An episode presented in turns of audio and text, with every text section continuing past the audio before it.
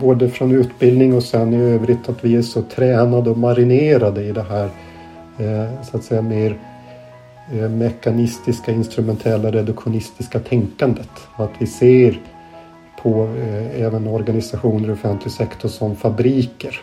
Vi pratar ju om processer och det är så att säga hela språkbruket är hämtat från, från fabriken.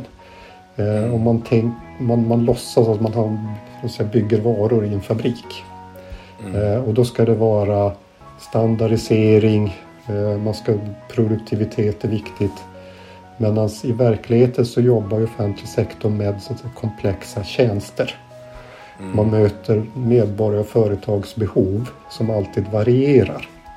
Mm. Och om man då har standardiserade tjänster som möter variation så blir det i praktiken ineffektivt.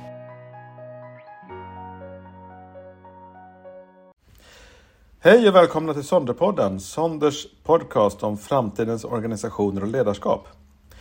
Jag heter Love Lönnroth, jag är konsult på Sonder, förutom att jag leder podden. Och i dagens avsnitt så har jag ett samtal med Lennart Wittberg som är en av arkitekterna bakom Skatteverkets transformation från fruktad skattefogde till omtyckt servicemyndighet. Lennart har många idéer om hur offentliga organisationer kan bli bättre på att förstå komplexitet och bli mer syftesdrivna för att anpassa sig efter den verklighet vi lever i idag. Han har skrivit flera böcker om styrning inom offentlig sektor. Men hans budskap handlar lika mycket om ledarskap och mindset som om styrning i traditionell mening. Han ser förståelsen av organisationens kontext som en nödvändig förutsättning för att kunna driva förändring och utveckling i offentlig sektor. Och han värjer sig lite mot begrepp som förändringsledning eller tillitsbaserad styrning som han tycker är alltför instrumentella och missar den komplexitetsförståelse som är grundläggande för att genomföra djupgående förändring. Innan samtalet med Lennart Wittberg så vill jag passa på att tipsa om Sonders kommande webbinarium om strategier i en förändlig värld. Det äger rum fredagen den 17 november klockan 8. Läs mer och anmäl dig till det på sonder.se. Där hittar du också våra andra webbinarier och bloggar och annat material som man kan ta del av. Så kolla in på sonder.se. Nu till samtalet med Lennart Wittberg. Mycket nöje! Ja, Lennart Wittberg, välkommen till Sonderpodden.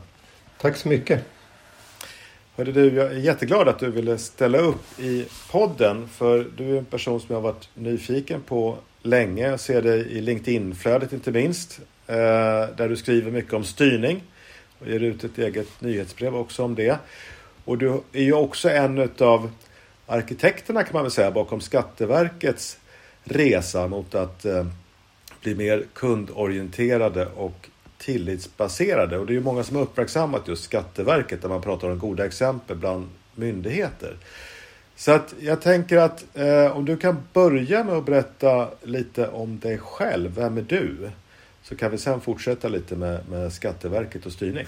Så vem är mm. Lennart Wittberg? Ja, tack. Eh, ja, roligt att jag får vara med här. Eh, Lennart Wittberg heter jag som sagt och Eh, jag jobbar som eh, ja, författare, föreläsare, rådgivare Eh, och jobbar framförallt med offentlig sektor. Eh, fokus på utveckling, styrning, jobbar med komplexitet, strategiskt tänkande, sådana saker. Eh, och det gör jag nu då som egenföretagare och gjort i några år. Men som du var inne på så har jag min långa bakgrund på Skatteverket. Jobbat där i drygt 30 år och de sista 15 åren som strateg och jobbade med just utveckling och förändring och det är just de här Skatteverkets förändringsresa som brukar beskrivas då från fruktad skattefogde till omtyckt servicemyndighet. Eh, och eh, jag och en kollega skrev en bok om förändring just med det namnet också.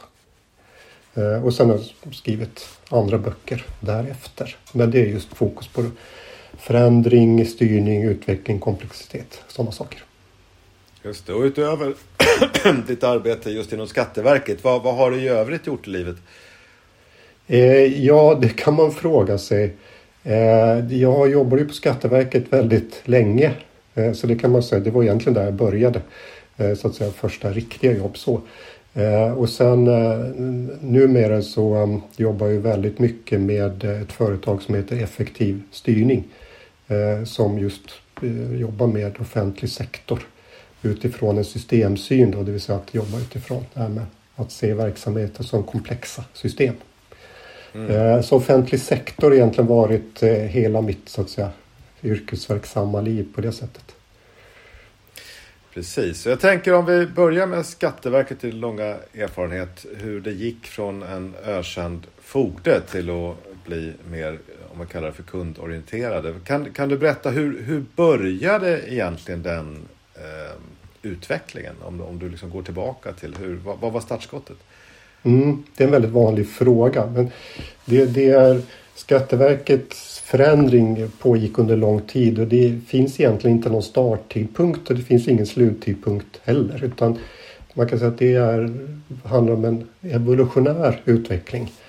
Ehm, och eh, många olika saker som ledde fram till det och det går ju som spåra händelser och saker tillbaks till 70 och 80-talet. Men man kan säga att det mesta av det praktiska förändringsarbetet skedde under 90-talet och 00-talet. Eh, men det var så att säga, det är en lång resa. Vi, vi, vi brukar prata, beskriva den att det handlar om decennier. Eh, så att säga. Men, men eh, och delvis pågår den väl fortfarande. Så att det är så att säga inte det här att det var någon bes, särskilt beslut och sen en särskild plan som skulle genomföras utan så att säga, det ena leder till det andra och så lär man sig och sen en evolutionär utveckling. Men om du går tillbaka till, ehm, jag vet inte, när började du på Skatteverket förresten? Vilket år? 1988. Ja, om du går, mm. går tillbaka till, till 88, då var jag själv anställd på en bensinmack innan jag började mm. mm. plugga. Men eh, eh, på den tiden som eh, det inte var så mycket elbilar och sånt. Men hur som haver, ehm, det är ju ändå många som kan eh, överblicka ungefär den här tidsperioden. Och minns också skiftet. Jag kommer själv ihåg när jag hade mitt första lilla företag så blev jag så positivt överraskad. Jag blev inbjuden till ett möte med Skatteverket för att de vill liksom förebygga att, att man gjorde fel med bokföring och så vidare. Det mm. kändes oerhört proaktivt. Det var på måste vara tidigt 90-tal. Eh, mm. Mitten på 90-talet kanske det var. Men om du berättar lite, vad, det, må, det, har ju funnits någon sorts incitament, någon anledning till att myndigheten liksom ändå har utvecklat sig i den här riktningen. Att bli mer, om man säger, tillitsorienterad eller vad man har haft för internt uttryck. Så vad, vad, mm. vad var det för någonting man ville lösa? Vad var själva, vad, vad fanns det för omständigheter som gjorde att man utvecklades åt det hållet? Mm. Precis som du är inne på, som när jag började på Skatteverket då på 80-talet. Då var det ju en annan inställning än vad det är idag. Eh, då var ju det här att alla skattebetalare såg som skurkar och banditer och så Skatteverkets jobb var att så att säga jaga. Eh, och så ska man hitta så mycket fel som möjligt. Eh, och sen har ju det där ändrats gradvis och, det bottnar ju mycket i en, så att säga, en allmän inställning att ja, men vi behöver bli bättre. Så det var eh, under hela min tid på Skatteverket och förmodligen tid innan dess också så fanns det en inställning om att vi äger vår egen utveckling. Eh, så att säga att inte sitta och vänta på att regeringen ska tala om vad man ska göra utan vi ska styra vår egen utveckling. Så det var så att säga inte utifrån utan det kom inifrån. En önskan om att bli bättre. Eh, och det som kan sägas som var särskilt viktigt ändå med diskussioner som påbörjades väl egentligen på 90-talet, det var ju det här vad är ett bra resultat? Ehm, och det är här fråga som alltid är svårt i offentlig sektor, det är ju lättare i privatsektorn. Men sen, hur vet vi att vi har gjort ett bra jobb? Vad är ett bra resultat? Mm. Ehm, och det triggade igång väldigt mycket. Eh, för att som sagt Skatteverket kom från en historia där ett bra resultat såg som att hitta så mycket fel som möjligt. Vilket ja. då leder fram till slutsatsen att om skattebetalarna gör fler fel så får Skatteverket ett bättre resultat.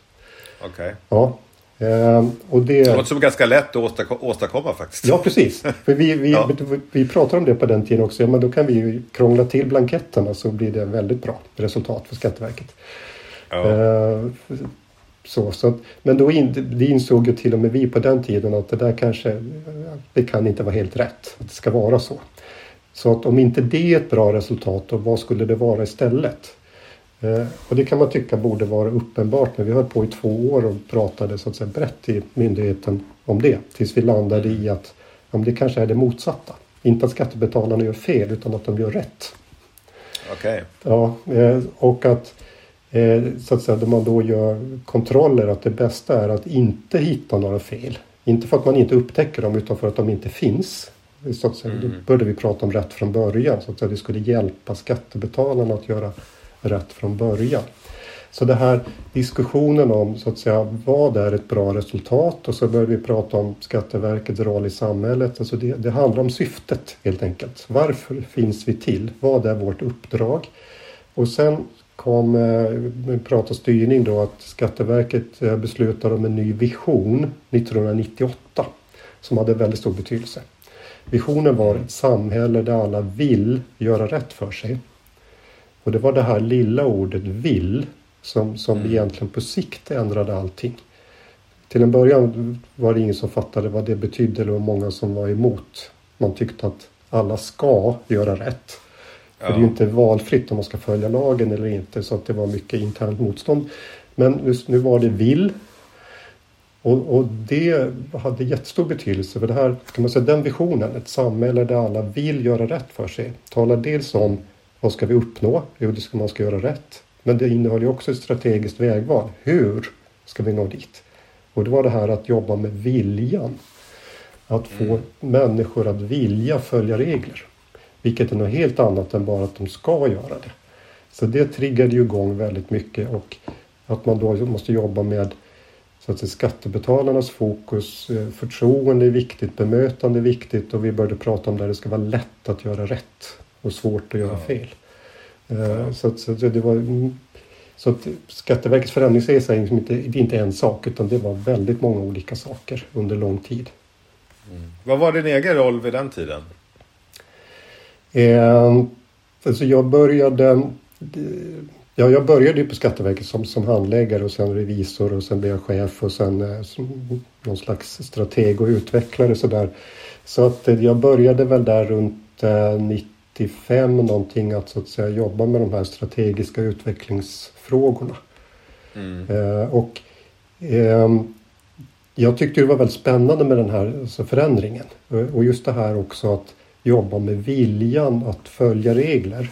Och det var också sen i den här vevan som jag började intressera mig för systemsyn och komplexitet. För att eh, som jag är nörd så, där, så grävde jag ner mig i forskningen kring så att säga, vad är det som påverkar människors vilja att följa regler. Och då mm. insåg jag att det där är ju väldigt komplexa frågor. Man kan inte säga att det är en sak utan det är många olika saker och eh, orsakssamband som går på kors och tvärsen. Eh, så jag tyckte det var väldigt spännande eh, att försöka hitta hur kan man då skapa en strategi för en myndighet som ska så att säga sträva mot det här att människor ska vilja följa regler. Så att det är väldigt eh, komplext och man måste jobba med många olika saker. Så att just bland annat då, förtroende, bemötande, lätt att göra rätt eh, och så. Men sen när jag då grävde ner mig i den forskningen och började fundera på det så insåg jag sen också att ja, men det är samma principer som gäller styrningen internt. Alltså det här att hur kan man få människor att gå åt ett visst håll? Uh, så att det, då såg jag att det där hänger ihop och då är man inne på det här med just komplexitet. Att allt hänger ihop med allt.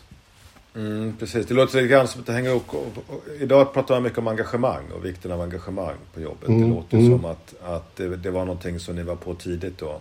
Um, idén att, att både så att säga, skattebetalarna engagerar sig men också de egna anställda. Mm, ja, precis. I, ehm, i, I, den processen. Ja, och så var det. Och vi kanske inte pratar om det på det sättet men det var ett stort engagemang. Ehm, för att jag, när jag tänker tillbaks på tiden på 90-talet framför allt så kan jag säga att vi jobbade ju tillitsbaserat och vi jobbade egentligen agilt fast vi använde inte de uttrycken. Nej. Utan det var um, mer så att säga att ja, människor var engagerade för att de fick vara det helt enkelt. Och det, det var ett ganska undersökande, tillåtande klimat. Mm. Precis, ja. ja. men det är intressant. Men då, om vi tar den här nya visionen då, 98. Eh, vad, vad gjorde ni sen? Alltså du, du grävde ner i forskningen, men vad, vad gjorde ni inom Skatteverket för liksom, konkreta saker för att ta er vidare? För jag tänker det fanns ju, eh, om jag jämför med en annan stor organisation som gjorde så här omorientering, nämligen SAS, så var ju de kända för sina så kallade charmkurser och liksom den typen av åtgärder. Vad, vad gjorde ni för att liksom konkret ta er vidare i, i det här arbetet? Ja, det var många olika saker, men man kan säga dels var det ju då eh, teknikutvecklingen, digitaliseringen började ta fart här också. Så att 95 till exempel det här med förtryckt självdeklaration, att det blev mycket enklare för, för folk att deklarera var ju väldigt viktigt och sen fortsatte utvecklingen där sen senare med eh, e-tjänster och sådana saker. Eh, så just det här att lätt att göra rätt. Eh, men sen började vi också, inte med skärmkurser, men vi började jobba med bemötandet och det påbörjades 2003. Och det var en väldigt viktig del också i att ändra kulturen i Skatteverket. För att även om vi gjorde en massa konkreta saker och vi, vi utgick från vision och, och så här med att Eh, så var grunden, skulle vi ändå påstå, en kulturförändring i organisationen. Att ändra synen på dem man är till för. För vi gick ju ifrån det här att vi hade sett skattebetalarna som fienden till att se faktiskt på skattebetalarna på ett helt annat sätt. Att Eh, skattebetalarna är inga som ska bekämpas utan Skatteverkets roll är att hjälpa skattebetalarna att göra rätt. Och i det ligger också alltså, naturligtvis att ha en effektiv kontroll för att hederliga skattebetalare kräver att de andra som fuskar inte ska komma undan. Eh, så det är så att säga också en del i stödet och hjälpen egentligen till skattebetalarna. Så att det är en kulturförändring, så det var det som var kärnan skulle jag säga. Ehm, och det som hjälpte till där det var också att vi började jobba med bemötandet. Mm. På, på allvar så att säga och började göra en, en stor undersökning med både eh, så att säga, kvantitativa och kvalitativa undersökningar för att ta reda på hur upplever skattebetalarna Skatteverket. Mm. Eh, så fick vi fram en bild då att det var kanske inte enbart positivt. Eh, och så fick vi också uppfatta, eller vi frågade men hur vill ni att Skatteverket ska vara? Så att då fick mm. vi så att säga underlag och så kunde vi börja jobba med bemötandet internt. Och där var det ganska viktigt det här med att ha en ordentlig undersökning alltså med fakta och siffror. Och så kunde man dessutom, hade vi dessutom alltså, titta i forskningen. Som Skatteverket hade ju kulturen av att vara en sån här kontrollorganisation som människor tyckte om att hitta fel och granska saker. Eh, så att ehm, man kunde presentera siffror internt som medarbetarna kunde granska så funkade det lite bättre. Det, så du kunde använda den äh, egenskapen om vi säger så till någonting bra då för att liksom, ja, ja, precis. komma vidare? Ja. Exakt, precis. För det, eh, fakta på det sättet som går att granska så tycker man ja, men då har man väl viss tilltro till det. Eh, men att just jobba med bemötandet bidrog till att ändra kulturen. Ehm, och man kan säga att vi började jobba med bemötandet 2003 och det var ganska ett intensivt arbete. Mm. Men det syntes ingenting i de här enkätundersökningarna som vi gjorde varje år förrän 2006. Okay. Och det tycker jag också var en viktig lärdom, att det är att hålla i och hålla ut. Mm. För att det var ju en del kanske som tyckte att ja, men det är ingen idé att hålla på med det här för det märker ju ingen skillnad. Men det tog tre år. Sen ja. blev det skillnad och sen förändrades det ganska snabbt. Så att Eh, det tar tid. Eh, och just det här att jobba med bemötandet och då var det just inte en skärmkurs, så att du ska vara snäll och trevlig utan det handlade ju verkligen om det här att förstå så att säga, skattebetalarnas perspektiv. För vi, vi tryckte ju på det här att, så till alla medarbetare, du, du ska ju vara dig själv. Du ska handla liksom inte och klistra på ett leende. Utan Nej. lyssna på den du är till för. Och försök att mm. förstå vad den personen menar. Eh, så mm. kommer det mesta att lösa sig ändå. För att jag skulle säga de flesta människor, även de som jobbar på Skatteverket, är snälla och trevliga. Mm. Eh, så att det, det är med det där att man måste lära sig att, att, att, att det är tillåtet. Jag behöver inte vara en stel byråkrat. För det var på något sätt idealtypen. Ja. Som kanske fanns kvar sedan gammalt, att man skulle vara på ett visst sätt. Mm. Men sen när man då förstår att ja, men det funkar inte. Människor blir rädda. Man får ingen information.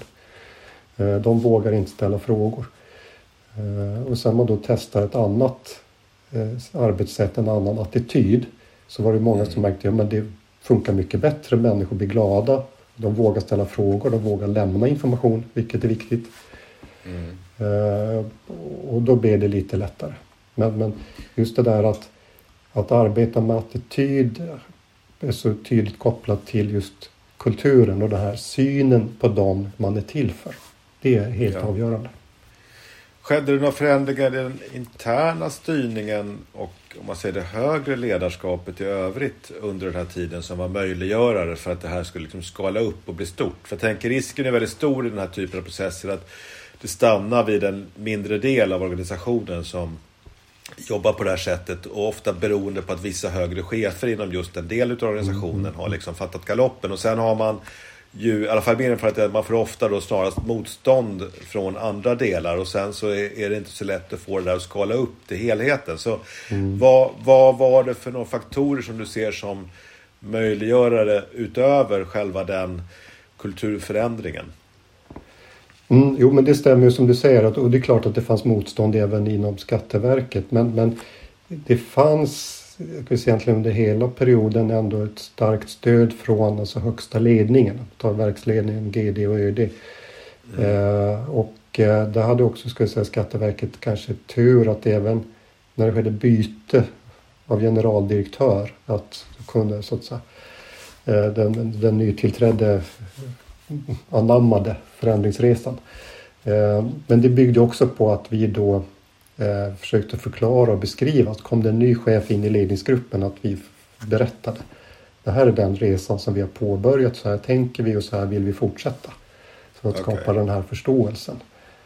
Eh, för annars är det lätt hänt att någon ny kommer med massa nya idéer. Men, men för att jag skulle ändå vilja hävda att till, till, till skillnad från många andra förändringar som jag har sett så, så tyckte jag att på Skatteverket det var just att vi grundade i forskning och undersökningar att det var väl genomtänkt. Eh, ja. Det var ju som inte bara skriva massa styrdokument med floskler utan det fanns en stabil intellektuell grund som det byggde på. Eh, och att det var genomtänkt och då kunde man också förklara för andra och då, då kunde också de inse att ja, men det verkar vettigt så vi, vi fortsätter med det. Ja. ja. Eh, men det kan man också säga att det var väl delvis tur. Det kunde ju komma någon annan som ville något helt annat. Och sen också att, eh, så att säga, styrningen från regeringen tillät det här och det var inte heller något så att säga, som, som hindrade eller störde.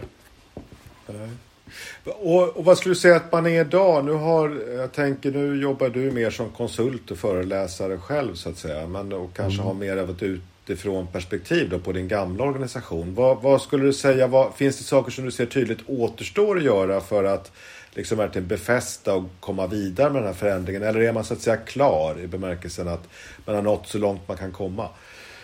Man blir aldrig klar. Eh, och det är väl kanske det som jag ser nu att eh, eh, Skatteverket har kommit väldigt långt när det gäller exempel förtroende, bemötande, man hamnar i topp i olika mätningar. Och också bra så här när det är lätt att göra rätt. Ehm, men och det är ju sådär när det går bra och eh, alla siffror ser fina ut så är det ju väldigt risk att man blir lite eh, kanske försiktig. Att man inte vågar ta nästa steg i förändringen utan man blir benägen att bevara det man har.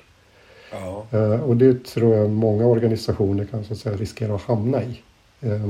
För just det där att omvärlden förändras, kraven förändras, just det där att man blir aldrig klar. Utan det, det, man måste hela tiden gå vidare. Um, så att det, det, um, ja, det är väl lite så. Att det kanske, just det där att inte hela det som funkade förr kanske inte funkar framöver. Okej, okay, så att det är att egentligen man måste våga fortsätta utveckla Eh, ja. Är egentligen budskapet. Man kan inte slå sig till ro och säga att nu ska vi förvalta. Nej, precis. Exakt. Och det, så är det. Och det är väldigt stor risk att just när man har kanske fina siffror och högt förtroende då vill man inte riskera det så då vågar man inte lika mycket. Är siffrorna är det... dåliga så har man inte så mycket att förlora då vågar man kanske mer. Det är spännande. Jag tänker, jag har ju, i början av min karriär jobbade jag med, med hållbarhetsfrågor och miljöfrågor och så ganska tidigt, från 90-talet. Och där kunde jag ju se ett mönster som var just det här att man jobbar med företag, mest i mitt fall på den tiden, eh, mycket med de här frågorna som då var ganska nya. Och då fanns det just det här, man kommer till platåperioden när mm. ledningen säger att ja, men nu är vi klara med den här biten. Nu, nu är vi klart ledande där. Så att mm. vi, vi behöver inte göra så mycket mer. Jag, hade, jag jobbade till exempel tidigt med McDonalds som var väldigt tidigt ute med miljöfrågorna. Det tror man kanske inte idag. Eh, där Max, eh, som nu är den stora konkurrenten, liksom knappt fanns på kartan. Och sen vad jag såg som är så intressant är att McDonalds pausade liksom det där och sa att ja, men nu är vi Ja, det erkänner de säkert själva inte, men jag skulle säga att de pausade eller de liksom slog sig mer till ro. Eh, Max kopierade hela konceptet eh, och körde om. Liksom. På samma sätt har jag sett flera andra företag gå samma utveckling till mötes. Att så fort man börjar säga att vi är klara med den biten eller nu är vi liksom absolut ledande så vi kan slå av takten. Det är då man brukar bli omkörd.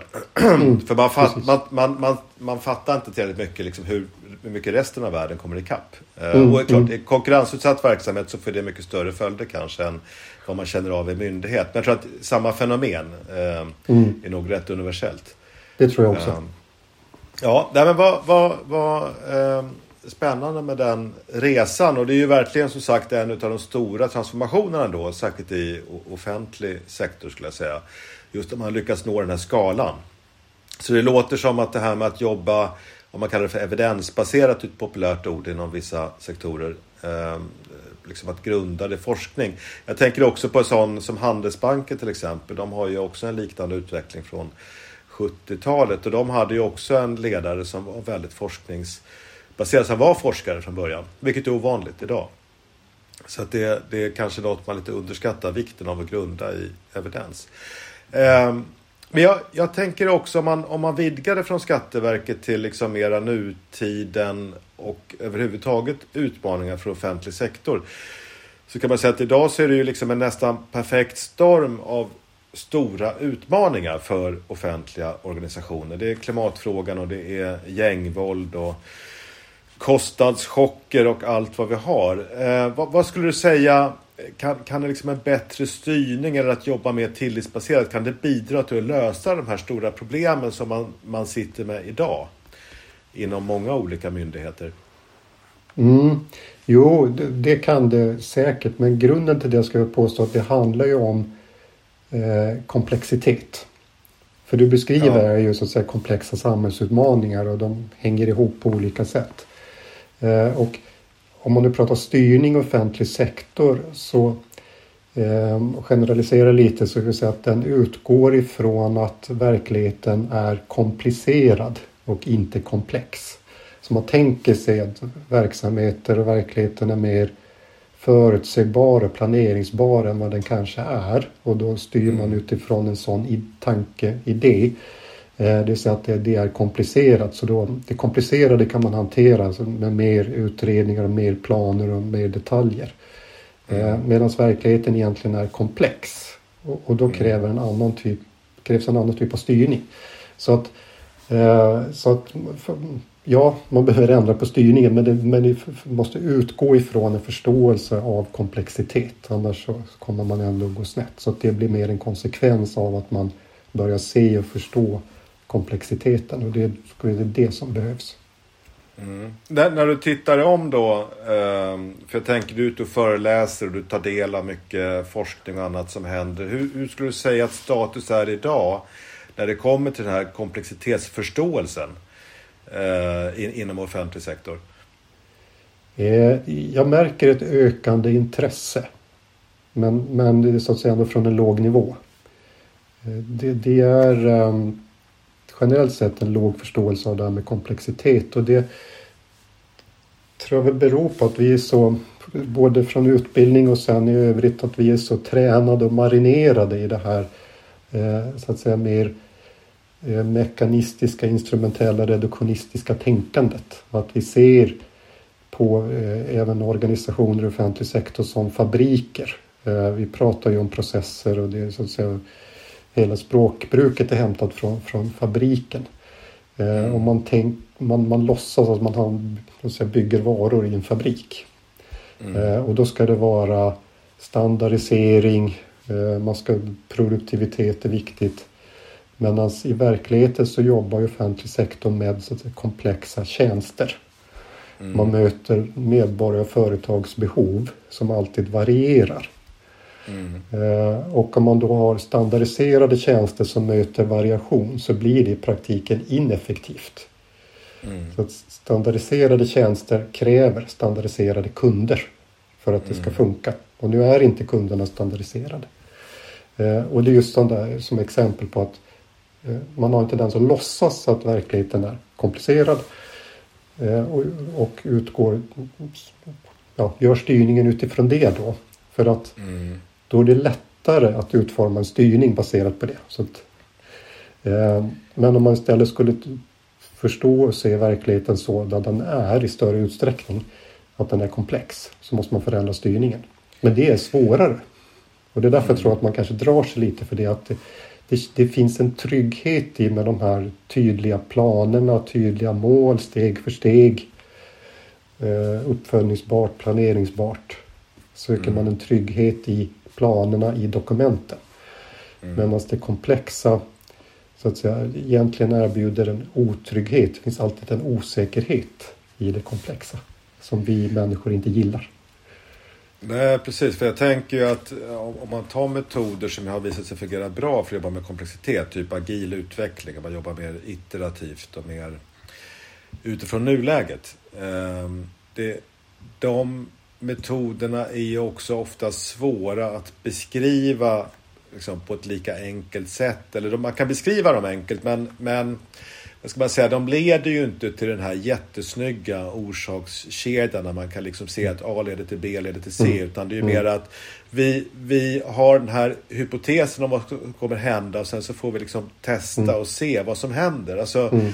För jag tänker ofta att man är ju antingen orienterad att utgå från nuläget skulle jag säga och agera utifrån vad man ser framför sig. Eller väldigt upphängd på mål och planer och mm.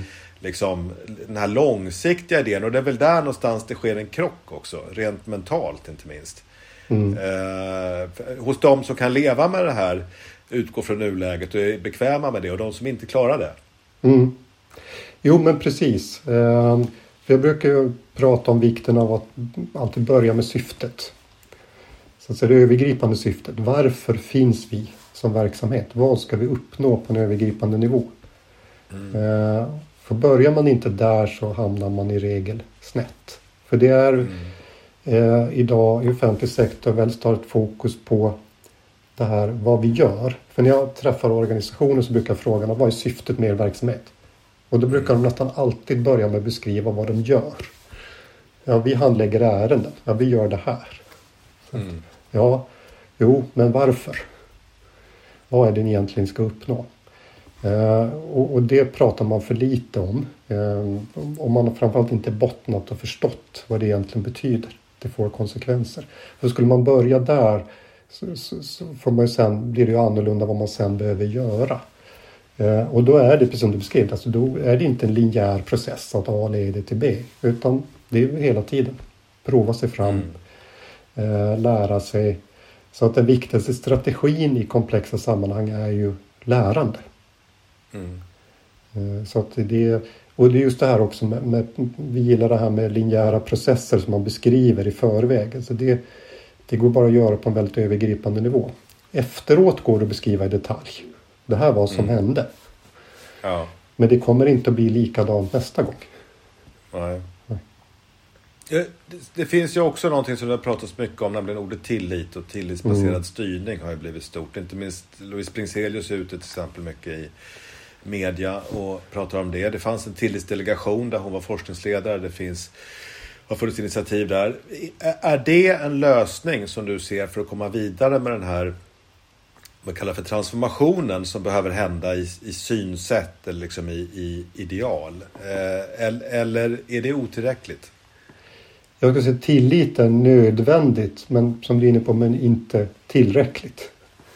Uh, för att styrning i komplexa verksamheter, det kräver tillit, absolut. Uh, men, men, som sagt inte, inte bara det, utan just det här med, med syftet och att man har praktiska möjligheter att samarbeta.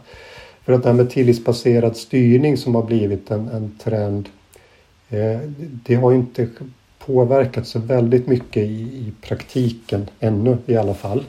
Eh, många vill väl om man försöker men jag upplever att begreppet leder tankarna fel här. Tillitsbaserad styrning, att man ska basera styrningen på tillit. Det låter som att tillit är så att säga ett styrinstrument. Jag ska mm. styra med tillit.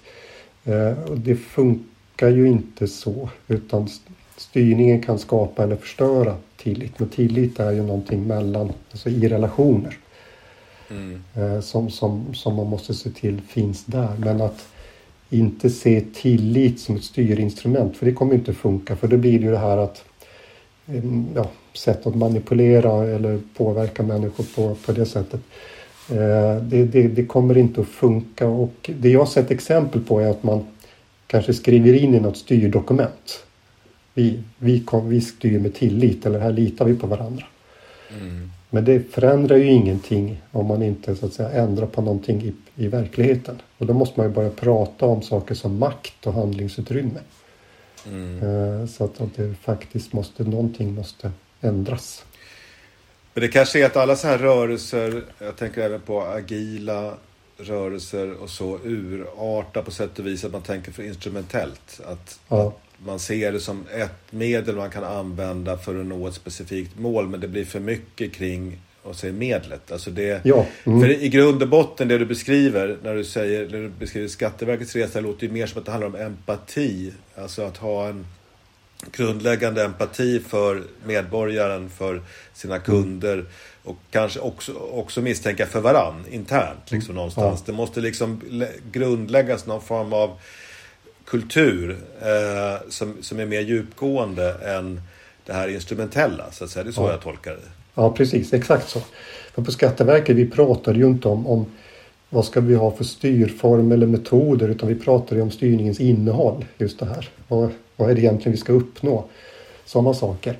Eh, och det är likadant om man pratar tillit eller agilt, att inte se det som en metod. Eh, för det agila, det går ju också snett om man börjar metodisera det för då blir det man ska följa en viss process eller vissa, följ de här fem stegen. Eh, istället för att se det som att det är ett synsätt, förhållningssätt. Mm. Eh, och sen måste man alltid göra på olika sätt. Eh, och just det här med tillit, att förstå vad det egentligen handlar om. Så det är inte en metod eller styrform, utan då måste man förstå grunden för det. Mm. Och man kan säga att ett problem i dagens styrning i offentlig sektor som har med det att göra, det är att man inte har bottnat i det här. Jag pratar om syftet med verksamheten, men lika viktigt är ju vad är syftet med styrningen? Mm. Eh, det pratar man väldigt lite om. Eh, och det där upplever många som egentligen tycker är väldigt oklart. För att det som, när man läser styrdokument och, och så här så är det väldigt framgår det ju att syftet med styrningen implicit i alla fall är att man säger att syftet är att få de styr, styrda eh, att göra som de styrande vill. Mm. Och bara det så att säga indikerar ju att det finns en bristande tillit. Ja. ja. Eh, och då menar att det kan inte vara syftet med styrningen. På att jag ska tvinga dig att göra som jag vill. Mm. Utan det, det jag menar här är att om man utgår ifrån syftet med verksamheten. Som vi är mm. då. Någon måste ju bestämma det men oftast är man överens om det att ja, med sjukvården, ja, men man ska eh, så att säga, förebygga och lindra och bota. Eh, mm. Det, det, ställer man upp på det så, så handlar det om inte att någon ska tvinga någon annan. Utan vi ska hjälpas åt. Och vi ska ha ett gemensamt syfte och ha en gemensam riktning. Och det mm. menar jag primära syftet med styrningen. Skapa den här gemensamma riktningen mot det gemensamma syftet. Och då handlar inte styrning om så att säga makt på det sättet att jag ska bestämma över dig. Utan om vi har en riktning och ett syfte så kan man mm. se vi får tillsammans större makt över syftet, över det vi uppnår. Mm. Men det här ordet tillsammans, jag tänker det finns ju också en grundläggande förutsättning som låter som att det åstadkom på något sätt i Skatteverket som är den här att ha en dialog där man eh, skaffar sig ett gemensamt synsätt. Mm. Ett, ett, sätt att se på situationen, på, på medborgaren, på kunden, på ja. syftet, på samma sätt. För att jag, jag, jag har tidigare i den här podden gjort avsnitt om Mary Parker Follett som var en av de första managementkonsulterna på 1900, början på 1900-talet. Hon pratar om någonting hon kallar för situationsprincipen. Eh, som ungefär handlar om just det. Att man måste få chefer och medarbetare att se samma situation. För mm. när man väl har nått mm. dit, när man väl har gjort det. Då är alla lösningar möjliga. Men jo. först då man har lyckats. Mm. Och jag tänker den dialogen är ofta väldigt svår att få till i en stor organisation. För att alla ja. möten är så liksom eh, styrda av en agenda. Det finns mm. liksom så mycket grejer som ska pushas igenom, så mycket information som ska förmedlas. Så att utrymme för dialogen, hur, hur skapade ni det på Skatteverket? Hur, hur åstadkom ni att få det i skala? Mm. Jag håller med, det, det där är jätteviktigt och det var precis så. Eh, och eh, det är en sak som jag har förstått efteråt egentligen att, så att säga, fundera på det. Varför funkade det på Skatteverket? Eh, och det var mycket just det här att vi hade dialogen, diskussionen, debatterna internt under lång tid. Eh, och det var inte så här så säga, uppstyrt och planerat alltid och framförallt inte att följa någon viss metod utan vi pratade med varann. Eh, för när man började prata om de här sakerna som syftet och samhälle där alla vill göra rätt för sig. Det är klart det triggar frågor och diskussioner. Eh, och då tog vi frågorna och diskussionerna och så träffade både medarbetare och chefer så att säga, när det fanns intresse och när det fanns behov. Eh, och alla fick lyfta sina så att säga, både farhågor och invändningar och vi tog diskussionen helt enkelt med, med alla och det, vi höll ju på med det i många år. Så jag tror det var en viktig framgångsfaktor men vi kanske inte, eller jag fattade inte det då. Utan jag tyckte Nej. ju då att ja, men man måste ju prata med folk och sen kunde jag ju tycka i och för sig att jag kunde bli irriterad när folk inte, som jag tyckte, inte fattade. Men um, jag har förstått efteråt att det där var ändå väldigt viktigt att ta den här diskussionen och inte bara skicka ut så att säga, ett dokument, så här är det. Eller skicka ut en packet powerpoint-bilder så att gör så här, prata om det här. Utan det var så att säga mycket friare dialog. Jag tror det var jätteviktigt.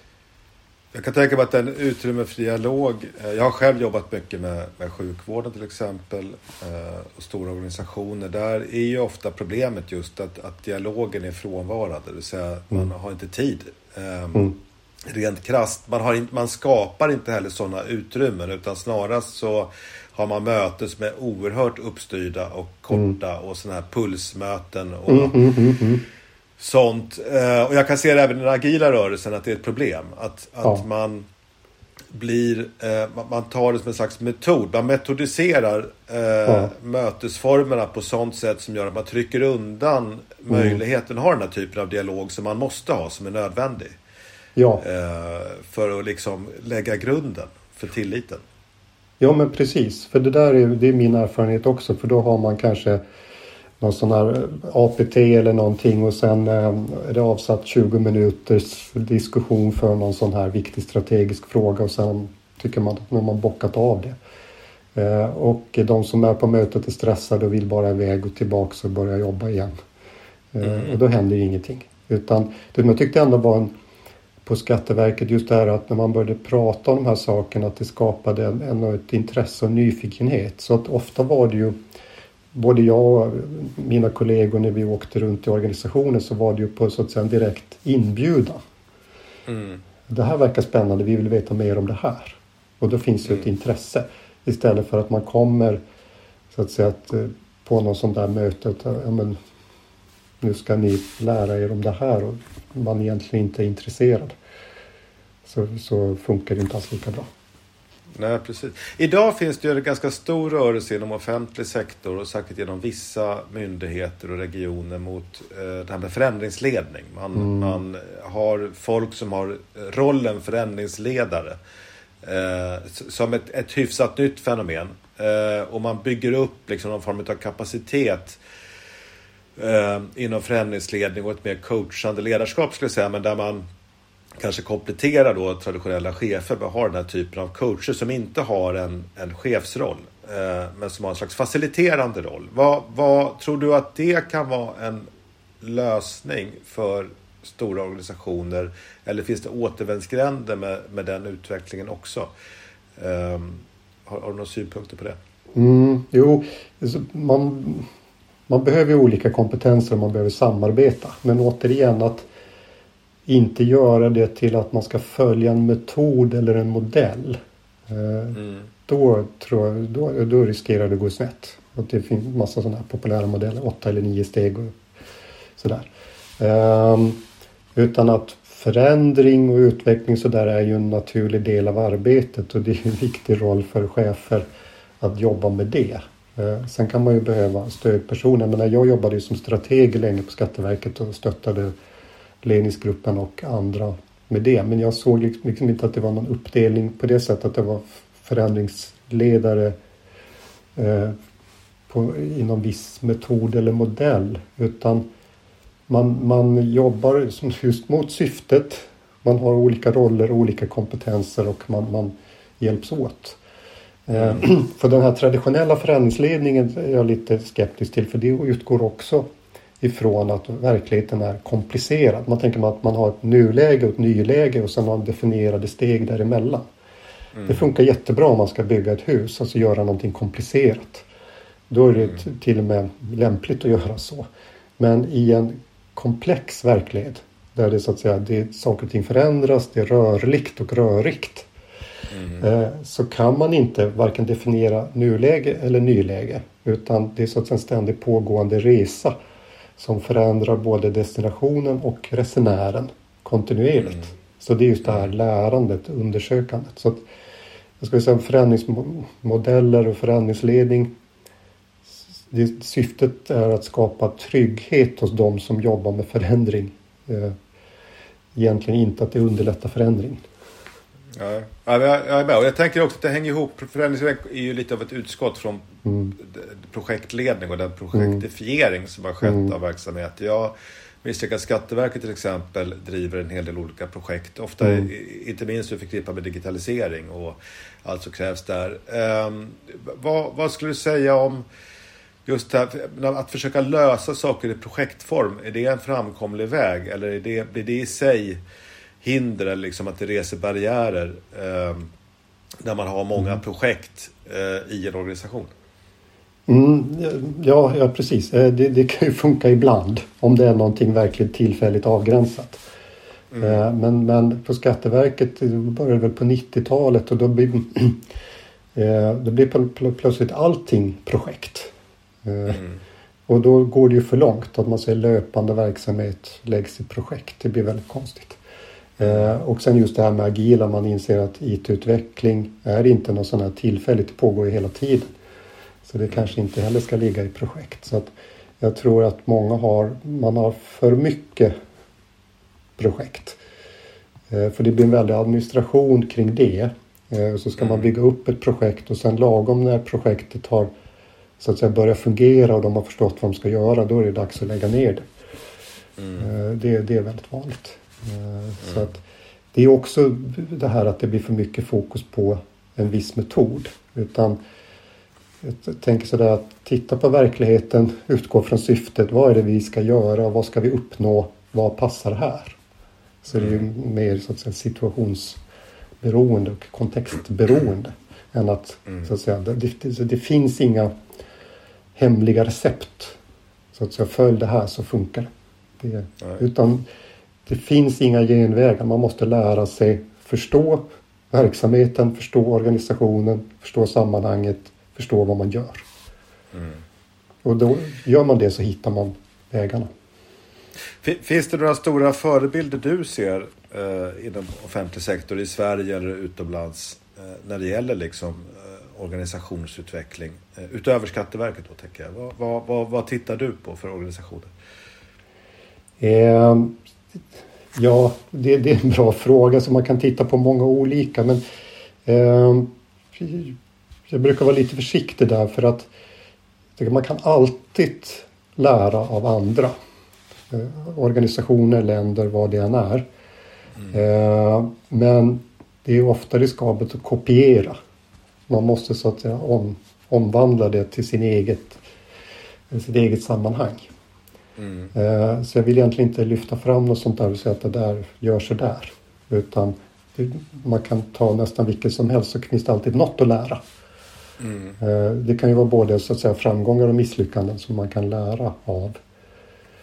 Eh, så, där, så att nyfiket titta på andra, absolut. Mm. Och försöka lära men sen anpassa det till sin, sitt, eget samman, sitt eget sammanhang och kontext.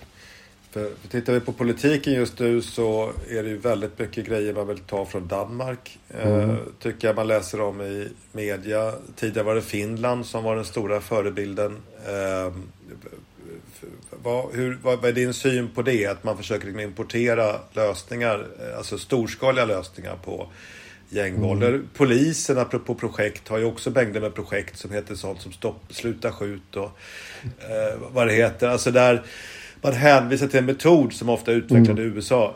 Um, för, och, och, min känsla är att det handlar mycket om att skapa någon sorts trovärdighet, eller liksom sälja in det helt enkelt. Att, att mm. få, och det tycker jag också att förändringsledningsverk och liknande ofta egentligen i grunden handlar om. Att man, att man säljer in det, man får resurser, man mm. liksom kan hänvisa till en metod. Mm. Eh, sen kanske man i praktiken inte gör exakt mm. alla de där stegen och sådär, men att man får någon form av trovärdighet. Mm. Eh, är min känsla att det handlar om. Ja, exakt så. Eh, och, och, det kan väl finnas fördelar med det men då ska man ju vara medveten om att det är det man gör. Eh, jag, tänker, jag brukar hänvisa till forskaren Susanna Lexius, hon har skrivit om det här. I, eh, hon pratar om så att säga å ena sidan att man behöver effektivitetspoäng så att man måste så att säga göra rätt saker. Och sen dessutom att man behöver legitimitetspoäng. Mm. Eh, och båda sakerna behövs. Så ibland gör man någonting bara för att ja, men det här, vi skapar legitimitet och trovärdighet kring det. Inte för att det kanske förändrar någonting i verkligheten men det behövs ändå. Eh, och sen det här med effektivitetspoäng då, att man faktiskt ser till att göra rätt saker. Så att, eh, och det är därför jag också, precis som du är inne på, både förändringsledning och styrning, att väldigt mycket gör man för att skapa så att säga, trygghet i den egna organisationen, där vi skapar legitimitet. Alltså det är mycket regndanser, om man uttrycker sig så. Eh, men mm. de fyller en funktion. Alltså vi, vi har behov av ritualer och ceremonier. En regndans så att säga, skapar samhörighet och man känner att nu tar vi krafttag här, nu gör vi någonting tillsammans. Mm. Och då känns det bra. Det ger ingen regn, men det känns bra. Eh, och det väl, finns väl fördelar med det. Eh, och det är väldigt mycket sånt som vi håller på med men, och det behövs till viss del.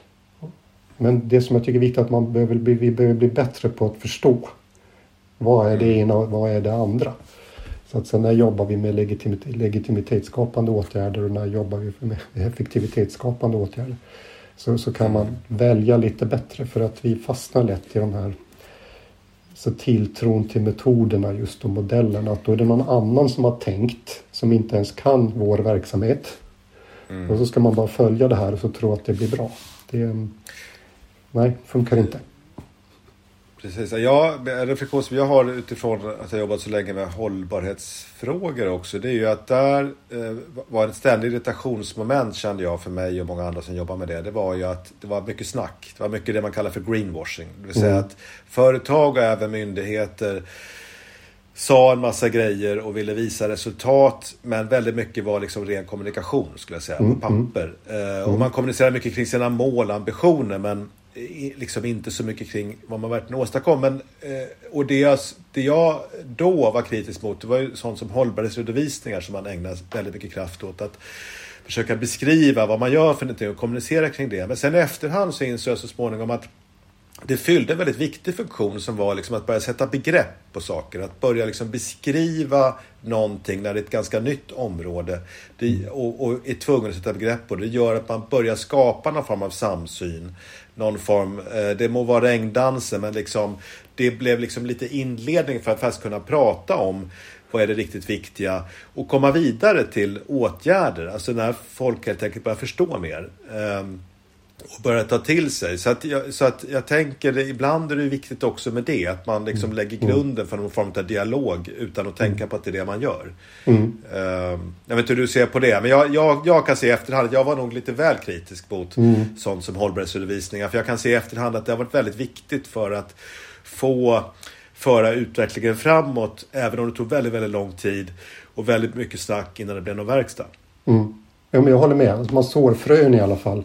Eh, och det där, jag har gjort samma erfarenheter och också varit kritisk. Sen har jag förstått att ja, men det finns poänger med det också. Just det här sådana exempel. Det är typ klimat, alltså hållbarhet, jämställdhet. Man gör massa snygga planer men det händer ingenting i verkligheten. Eh, och, och, det är just det här att om man pratar komplexitet och organisationer och offentlig sektor idag. Att det är så ofantligt många krav. Man ska leva upp till allt möjligt, inte bara själva kärnuppdraget utan det är allt det här runt omkring. Så att i verkligheten ställs ju organisationen inför att alltså det är större krav än vad som faktiskt är möjligt att leva upp till. Då blir det en överlevnadsstrategi också. Ja, men vi tar fram en jämställdhetsplan så ser det bra ut och sen får vi lite lugn och ro på den fronten ett tag. Eh, och det betyder inte att man är så att säga ointresserad av frågan eller inte tycker den är viktig. Men det är det att man man kan inte göra allt på en gång utan då måste man sedan navigera i den här komplexa miljön. Eh, och då kan man, kan man inte göra någonting på riktigt så kan man ändå skaffa sig legitimitetspoäng och så får man lite tidsfrist och sen som, precis som du är inne på så kan man ta det där efterhand när det finns möjlighet att göra någonting. Och, och under tiden man kanske ändå sått några frön så det, det, det är mm, inte helt bortkastat så.